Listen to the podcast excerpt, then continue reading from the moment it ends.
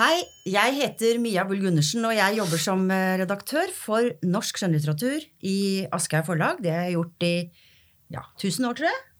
Lenge, i hvert fall. Og jeg er også så heldig å få lov å være programleder for en podkastserie som Aschehoug begynte med i fjor. I fjor høst. Og den har vi rett og slett kalt Hvorfor skriver du? Og da har vi laget noen podkaster med ni forfattere i fjor høst og spurt dem hvorfor skriver du? Og den første som skal få lov å svare på det nå i år, det er Tur Erik Lund. Og han debuterte i 1992 med romanen 'Tanger', og har siden gitt ut mange romaner. Ikke minst er han kjent for romansyklusen om Thomas Olsen Myrbråten. Eh, den første i den serien, hvis man kan kalle det en serie, het Grøftetildragelsesmysteriet og kom i 1999. Den kom ut på tysk i fjor. Det kan vi se om vi kan snakke litt mer om. Nå hører jeg at jeg snakker ganske mye, nå skal Tur Erik snart få si noe. Men han har gitt ut mange romaner, blant andre Uronofilia, Inn, Stralbox. Den siste romanen het Identitet, og den kom i 2017. Der venter vi egentlig på kanskje det blir en oppfølger til den. Boken har kommet i fjor. Det var romutvidelser, og det var en essaysamling. Tur Erik Lund har nemlig gitt ut flere essaysamlinger også. Tur Erik kunne vi sikkert laget mange podkaster med når det gjelder å snakke om å skrive, for språk og skriving er noe han både har skrevet og snakket mye om i løpet av årene.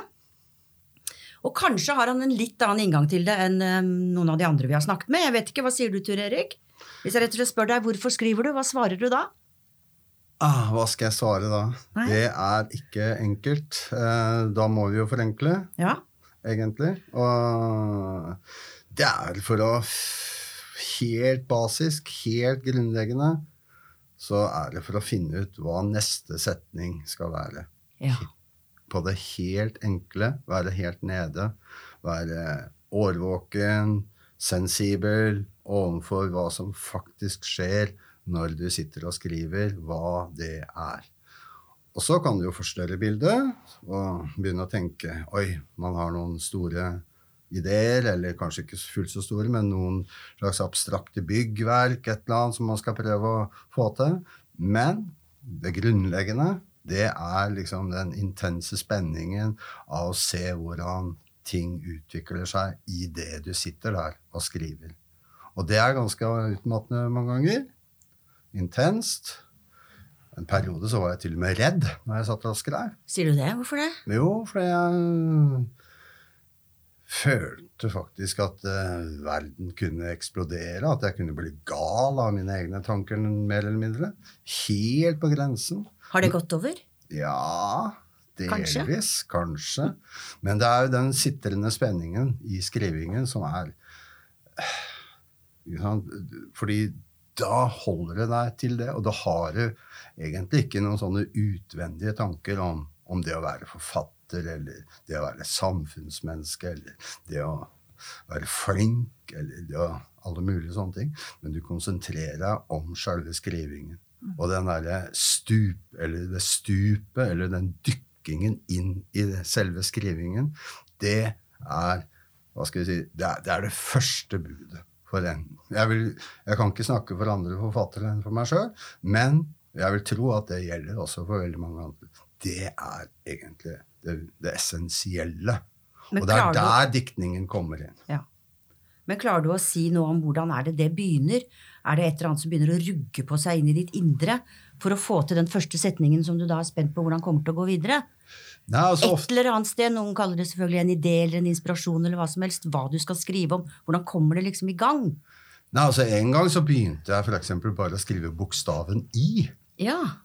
Altså, Det trenger ikke å være noen sånne store, vidløftige tanker. Men en gang så bare begynte, jeg skrev jeg i, bokstaven i. Ja. Og det, det, er en passasje i Lanofilia som er ganske vesentlig der, i ja. beskrivelsen av det, den uranofila, det bokverket fra renessansen, middelalderen og framover. Det begynte egentlig med at jeg skrev bokstaven I. Som preposisjon eller som bokstav? Ja, det, Og så visste jeg jo ikke hva jeg skulle skrive sånn Nei. idet jeg skrev bokstaven I. Altså Det er antagelig den enkleste begynnelsespunkt som noen gang har vært på å skrive. Vi kan, med, kan kanskje sammenlignes med Inger Christensen når hun skrev det. Ja. Det bare begynner. Det. Ja. Men jeg da prøvde meg med bokstaven i, eller preposisjonen i, og så utvikla det seg. Og så plutselig så var det et lite byggverk der. Erling Kittelsen har vel faktisk en diktsamling som heter bare I. Ja. Så det, det, akkurat det er noe av det viktigste, syns jeg. Det er at det, selvfølgelig har man lest mye, Mm. og du har inspirasjoner av veldig mye. Og det er måter å skrive på, stemme og alt mulig. Men når det ofte man kan Som jeg gjør nå, så kan du koke ned dette her til helt enkle arbeidsoperasjoner, akkurat som en skiskytter. Du bare konsentrerer deg om akkurat det du er inne i nå. Mm. Og så prøver å fortrenge alt mulig annet. Mm. Eller det kommer naturlig fordi du konsentrerer deg. Og så ser du og så hva som skjer. Og så senere så må man jo lene seg tilbake og vurdere dette her. Se åssen dette fungerer i en litterær kontekst, eller om det åssen det er i en roman. Men samtidig, hvis du da er i en romanarbeid, lengre arbeid, så er jo også disse små tingene De er jo også delvis framprovosert av ting som ligger i det foreliggende arbeid. Mm.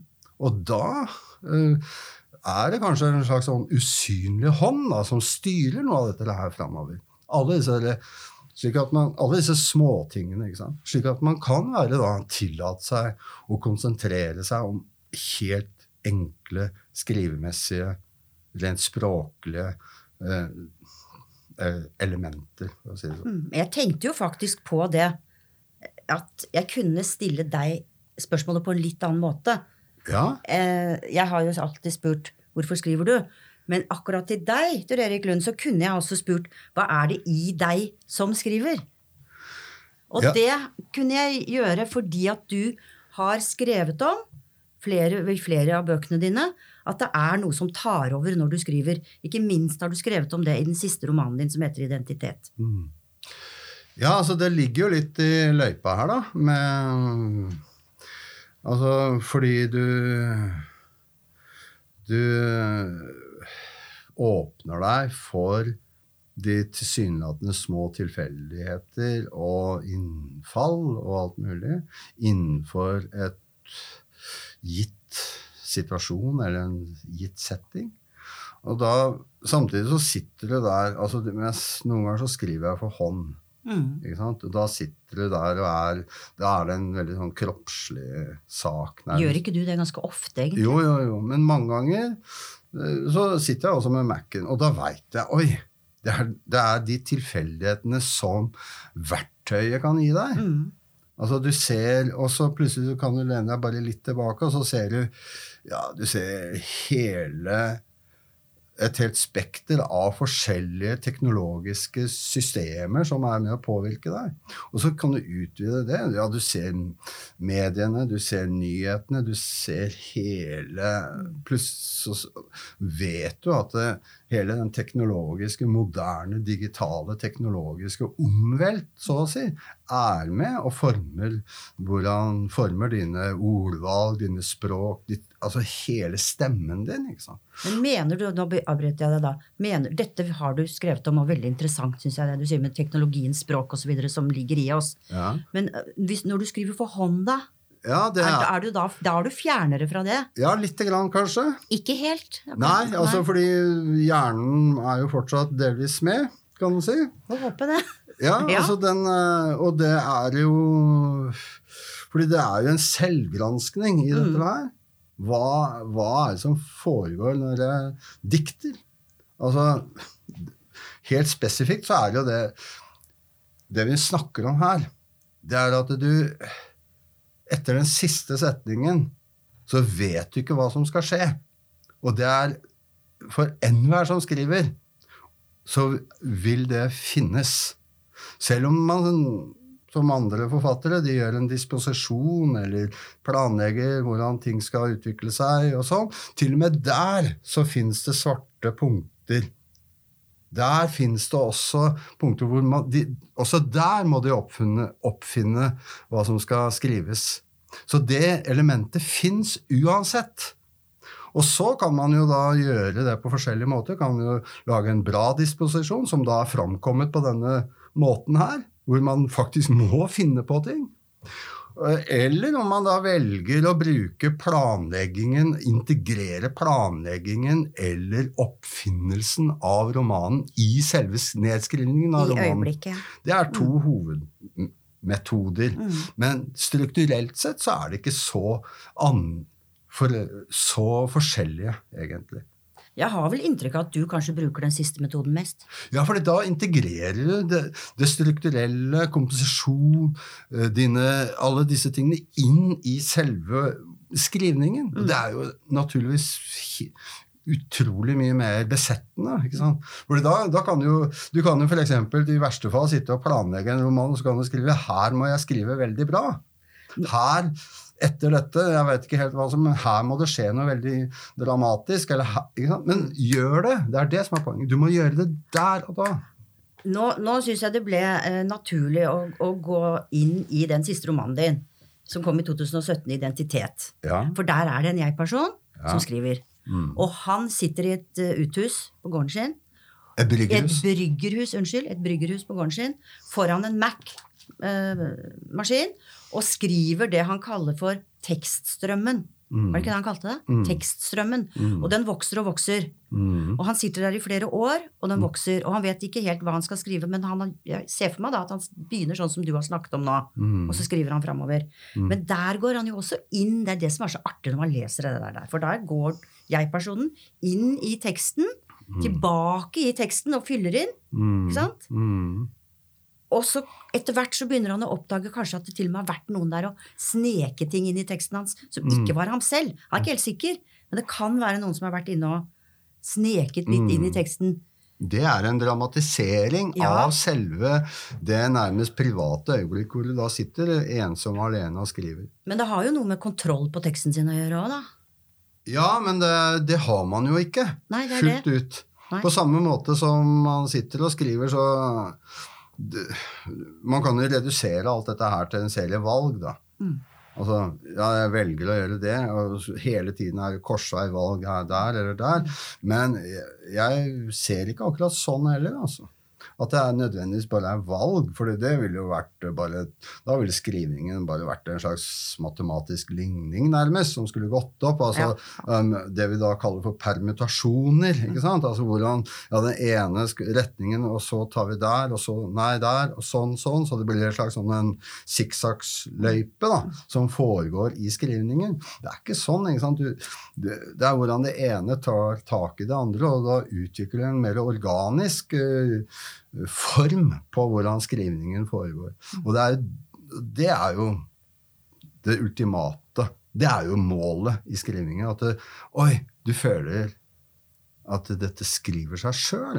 Mm. Hvor du sjøl som forfatter er, er med og liksom bare danderer akkurat sånn til at skrivningen fortsatt kan fortsette. Men opplever du noen ganger da at når du går tilbake til den teksten som du kanskje skrev for én dag siden, eller to dager siden, at du ser 'å, fy', nå skal jeg ikke banne, da, men 'å, fy søren', er det jeg som har skrevet dette? Ja, ja. Og det er fryktelig morsomt. Og det er de flotteste skriveopplevelsene. For her snakker vi om skriveopplevelser. Senere hen da leseropplevelse av egen skrive... Nettopp, ja. Det er forskjell på det, selvfølgelig. Ja, og det er jo det er jo ikke, det er jo ikke mer borte enn at du må jo sitte og flire og le. Og, sant? Fordi noe av, noe av den indre motivasjonen er jo rett og slett eh, Jeg sitter jo ikke her for å kjede meg. Jeg sitter jo ikke her for å ha det traurig. Jeg kan jo skrive om traurige og triste ting og alt mulig, men selve skrivningen gir meg enorm tilba altså en, sånn en tilbakeførende kraft. da. Men du er jo også en forfatter som eh, Du har skrevet mange romaner. Mm. De har kommet ut, de har blitt anmeldt, de har ligget i bokhandelen, de står i bibliotekene. Og så kommer du på at eh, nei, jeg må, de var ikke, de var ikke altså det, Du sier vel ikke at de ikke var gode nok, men du syns ikke de var ja, du har lyst til å endre litt på dem og redigere litt på dem og gjøre dem litt annerledes. Slik at, og det har du gjort ved flere anledninger. Blant annet så var det to romaner som heter Inn og Stralbox, Ja. som du da sammenskrev og redigerte og la til omtrent 100 sider tekst, tror jeg, midt inni der. 135. 135. Og så ble den gitt ut på nytt med tittel I singularitetens skygge. Ja. Og da var du fornøyd med den Ja. en stund. ja. Men så er du ikke fornøyd med den lenger. Jo, for så vidt på en måte, men jeg Egentlig burde jeg holdt meg unna disse bøkene Ja. etter at jeg har gitt dem ut. Jeg, som forlaget kunne kanskje tenkt seg noe sånt. Jeg skal men- begynne å bli litt strengere. Nei, det, ikke gjør det. Nei. Det syns jeg ikke. Jeg synes det var eh, Men det var lesning og selvfølgelig av det jeg har gjort før. Men ikke Jeg husker jo tross alt disse, husker jo litt av det jeg har skrevet, da. Ikke sant?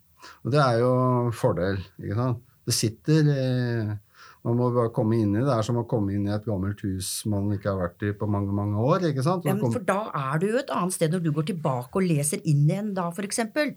Nja, ja Ikke sånn. Det er, det, er et, det er ikke et nytt sted, men det, jeg ser jo hele veien eh, enorme muligheter for uh, hvordan en bok kan utvide seg og bli bedre i en annen forstand. Og det tror jeg gjelder for Jeg tror ikke det er én eneste norsk roman som er skrevet som man kan si den kan ikke bli bedre Nei. alt kan bli bedre. Alt kan få en ny dynamikk. Altså, da, da begynner vi å snakke om skrivning som noe absolutt. Altså, det er det, er det, det relative som finnes i skrivningen. Det fleksible, det plastiske, som er det, er det er det er et grunnleggende trekk ved all modernistisk skrivning. Ikke sant? Ordene er ikke hogd i stein. Ja. Ikke sant? Men det vil si da at du blir aldri ferdig med bøkene dine? Vil du alltid gå tilbake og lese dem om igjen? Nei, nei. Nei.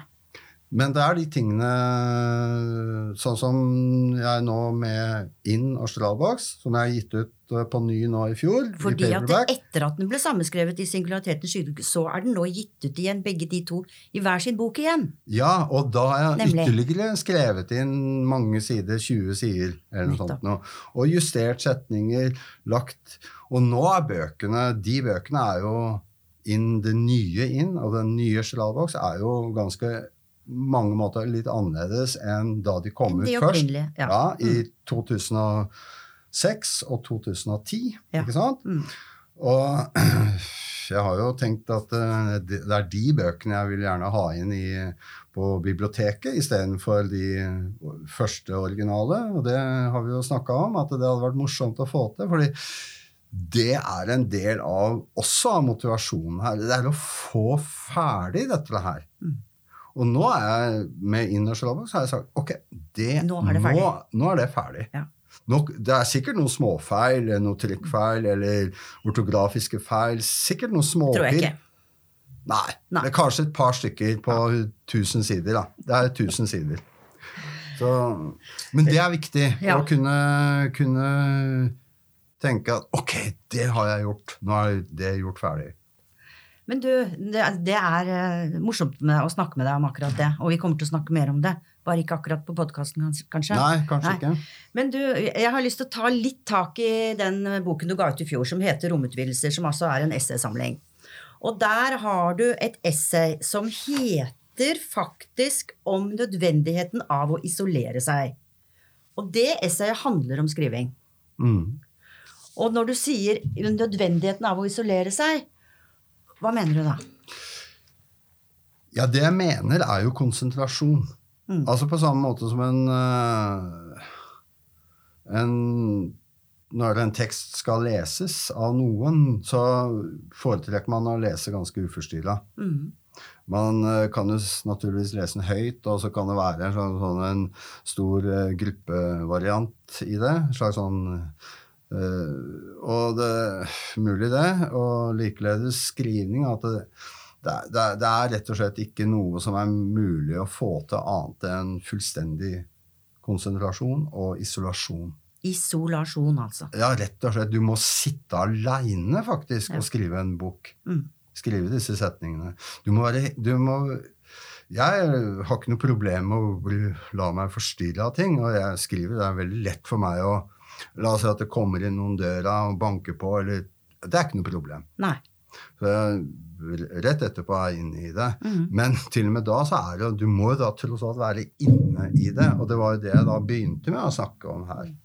Du må konsentrere deg. For det, eh, og isolere deg. Men det som er den underliggende kritikken, da, kan du si, eller det underliggende budskapet i akkurat den teksten, det er at vi har uh, utviklet mer eller mindre en litterær kultur, for å si det rett ut, som uh, mistenkeliggjør nettopp isolasjonisme og avstengthet og kon ikke konsentrasjon, men at, det, at det, fordi man er så veldig opptatt av å ha med seg et kollektivt islett i lesning så vel som skrivning, fordi man da tenker seg at lesningen eller det selve det litterære, det er en måte å henvende seg til mange på en gang. Mm. Det er akkurat som om alle skal snakke samtidig hele tiden om det som da skal leses, og vel så mye det som skal skrives. Slik at det som skal skrives, det skal være et, nærmest et resultat av noe som er en stor offentlig samtale, mer eller mindre, eller en slags sånn kollekvie som en slags sånn avskrift av en samtale man har hatt med andre. ikke sant? Så, fordi man da mistenker jo nettopp at selve isolasjonen og avstengtheten, som da skrivningen for så vidt krever, at det kan få noen til å produsere litt eh, hva skal vi si, reaksjonære tanker, f.eks. Mm. Eller ja, diskutable ting. da. Fordi man er redd for nettopp det er jo det som er det underliggende premisset her. Man er litt redd for at den ensomme eller den isolerte eller den avstengte hjernen er, kan begynne å produsere uh, uh, feilslutninger, villedninger, alt mulig. ikke sant? Man er tryggest på dem som står i et fellesskap. Ja, fordi da har du hele tiden dette korrekti Korrekt. Korrektivet. ikke sant? Og, men det er jo det som er poenget her. Du, du, du er nødt til å utvikle det korrektivet selv. Selv til og med korrektivet er du nødt til å framdyrke i en slags mer eller mindre isolert tilstand. Og da kommer vi inn på ting som individualitet, altså. Individualitet er også konnotert eller eh, knytta opp mot delvis negative eh, tank, altså konnotasjoner, da, for å kalle det det. Og det er fordi individual, individualisme, eller det ensomme, ikke ensomme, men det, det avstengte, Mm. at det det er akkurat som fordi man har hatt sine utslag på det gjennom historien, og ikke minst de siste årene, ikke sant? så tror man at da, da er det egentlig bare å kaste ut. Men da mener jeg, veldig enkelt, da kaster man ut barnet i badevannet. Ja. For å si det veldig enkelt. Dette her kunne jeg jo selvfølgelig snakket mer om, men det er egentlig en sånn, ganske sånn vesentlig premiss for hvordan en singulær eksisterende forfatter skal skrive. Ikke sant? Men da må man jo også, som du sier, sette grenser for seg sjøl. Eller lage sin egen korreks. Ja, Være sitt eget korrektiv. ja, samtidig så, så må man jo liksom Du må jo få- åpne opp òg. Ja, altså folk må få utfolde seg, ikke Ja. sant? Og det er den utfoldelsen. Altså, det er en inntrekning, en isolering, en avstengt. Og der inne så skal det utfolde seg. Og det kan slå så utrolig mange retninger. Og da, er jo, da kan man jo si at dette er en kultivering, rett og slett, av et eh, sinn som sprenges, ikke sant? Det kan man jo liksom Man kan jo si det. At det, ok, skrivning, tenkning, alt det du gjør i nettopp den derre sensible, årvåkne lille øyeblikket når du sitter der og skriver Du veit ikke hva neste setning er omtrent. Det er, det er jo akkurat det som er poenget. Du må, det, etter, når du har gjort det noen ganger Du får litt trening i dette der. Du får trening, du øvelse, eller du, du aner noen sånne metoder som du har hatt og erfart i bakhånd før, når du har holdt på med dette, så aner du sånne små retninger du kan styre denne uvissheten. Men du, du er jo blitt erfaren. Du har jo holdt på med dette i, altså, i 30 år eller enda mer. Altså, Ja. Du debuterte i 92. Men du åpnet denne samtalen da vi begynte podkasten, Ja, med å si at du var redd. ja, ja men det er jo mange, det har vært øh, Og det kan du bli fremdeles. Ja, jeg Kanskje ikke på samme måte? Kanskje ikke på samme måte, Nei. men øh, øh, Jo, kanskje. Er, fordi, Men hadde det noe med Jo, den nei, isolasjonen du- å gjøre? Nei, men du oppsøker situasjoner Mm. i skrivningen. Altså, du det er, det er jo hele poenget ved å sitte og skrive. Du skal delvis la deg overraske av deg selv, av din egen skrivning. Ja. Og ikke nødvendigvis la deg skremmes av deg selv, men noen av de erfaringene eller opplevelsen du har hatt, det, det kan virke skremmende av og til. Noen ganger så er det som 80% eller 70% av tida så er det morsomme. Mm. Men det fins Kanskje fordi du ler av lettelse fordi at du ikke ble redd av det du skrev. Det kan godt være. Men at som regel så blir det litt sånn ah, Wow, dette fikk jeg til. Bra. Nydelig. Det var så morsomt. Noen ganger så har det hendt at Oi, hva faderen er det jeg er inne, på her? Hvor leder det hen? Mm. Men så har jeg noen små knep i bakhånd som gjør at jeg hanker inn dette her på en merkelig måte, da, tror jeg. da. Så jeg, jeg, er aldri, jeg er aldri redd, sånn sett, for hva jeg virkelig er i stand til å skrive. At jeg virkelig kunne ende opp med å skrive noe helt forferdelig. Det er du ikke redd for? Nei. Nei. Men at det, det, det, det forferdelige, hva nå enn det skulle være Det fins som en sånn en svart sånn bak et forheng, svart greie bak der sånn, ikke sant? Det, det ligger der for enhver. Ja. Enhver har mulighet til å skrive det forferdelige.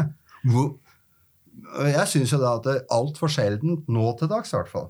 På 80- og 90-tallet, så var det kanskje begynnelsen av 2000-tallet, så var det mange som uten problemer ville oppsøke nærmeste forferdelige. Men i dag er det norsk litteratur veldig få. Veldig ufarlig. Ja, det er egentlig utrolig ufarlig. Ja. Og det syns jeg er trist, altså. Ja. Fordi du, det, da kan vi begynne å snakke om sånne ting som ytringsfrihet, selvfølgelig. Mm. Om, om, om liksom litteraturens egentlige kraft. ikke sant? Mm. Er det bare blitt et sånn trygghetssystem? ikke sant? Det kan man jo diskutere. Mm. Vi kan jo komme inn på det, vi har ikke så mye tid, men det jo, kunne, vi det har, derre- egentlig har vi veldig Ja. god tid. Da kunne vi nemlig komme inn på det som du har skrevet om også, og vi har snakket mye om tidligere, nemlig det derre kollektive vi-et. Ja, For det henger litt i hop med det du sier, ja, ja. ja, ja. faktisk. Jeg vet Ja. ikke om vi skal eh, si Du kan jo si litt om det, for du skriver veldig eh, Skal jeg si morsomt om det. Ja, altså det er, det er jo mange innganger til det kollektive vi-et. Mm. Altså det vi-et, det er jo, for å altså koke det ned til en uh, begripelig størrelse her, så er det et uh, system som oppstår gjennom digital, moderne teknologi. Massemedier, sosiale medier, hele den verdensomspennende systemet av uh, tanker og ideer som kommer til uttrykk der, som når vi snakker Og som har på en måte kommet inn i vårt dagligspråk. Ja. Som gjør at vi, når vi sitter her nå, så snakker vi jo hele, bruker dette ordet 'vi' utrolig mye mer ofte enn det jeg tror faktisk vi gjorde på 80-tallet eller 90-tallet. Da, var det- da var det sterkere distinksjoner på de tingene. Man sa 'jeg' Du sa jeg, rett og slett. eller Ikke sant? Mm. Altså, det er en del sånne språklig forvandling, rett og slett, i, allmenn, altså i det allmenne offentlige talen, nærmest. Og som jeg tror er en eh, konsekvens av eh, globalisering, Mm. digitalisering, alle disse teknologiske systemene. Alle disse felles, Ja. alle fellesskapene vi er i. Ja, og Hele tida. og ikke minst det at det, det digitale systemet, for å kalle det det, er blitt en mer eller mindre integrert del av vår egen hjerneaktivitet. Mm.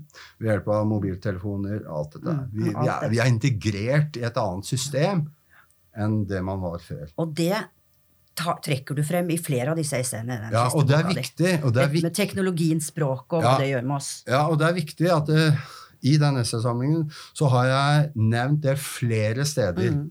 Tilsynelatende kan det se ut som jeg gjentar meg selv på det. Det med vi-et. Ja, Mm. At det kommer opp på fors I forskjellige av de Ja, fire-fem steder i, på, spredt ut i essaysamlingen, så kommer det. Men poenget med det er at det er forskjellige innganger til problem, Mm. til det komplekse. Det vi-komplekset. Noen steder skriver jeg om et syntetiske vi. ikke sant? Andre ganger snakker jeg om det klassiske, organiske, fagforeningsmessige, arbeiderkulturelle vi, vil jeg kalle det det. Og noen steder så snakker jeg om andre typer vi. ikke Ja. sant? Og det er ganske viktig å få med, syns jeg, i denne podkasten. Et siste spørsmål nå, Tor Erik. I det essayet Du har nemlig flere essay om skriving her. og det, du har et annet som heter litterær kapital. Og når du bruker ordet kapital, så tenker man selvfølgelig på øh, kapital, er penger. Når du skriver om kapital, litterær kapital, så betyr det ikke nødvendigvis penger. Men det betyr det også. Men det betyr penger i en litt overført form, kanskje. Men det er ikke det jeg skal spørre om. For der skriver du i det essayet som heter Litterær kapital, at det er et gode hvis skjønnlitterære forfattere klarer å forvalte sitt pund, dvs. Si få mest mulig ut av sitt talent, slik at man faktisk kan forsvinne inn i solnedgangen med vissheten om at man har gjort sitt beste. Mm. Det syns jeg er så fin setning. Jo, takk for det. Vil du kommentere den, eller skal du bare la den stå som en sånn siste greie? Ja, jeg Nei, en liten kommentar vil jeg Ja, ha. en liten kommentar. Ja, Og ja. det er, jo det, det er jo akkurat det jeg faktisk har, for min egen del, prøvde da med inn- og stradboks. Ja.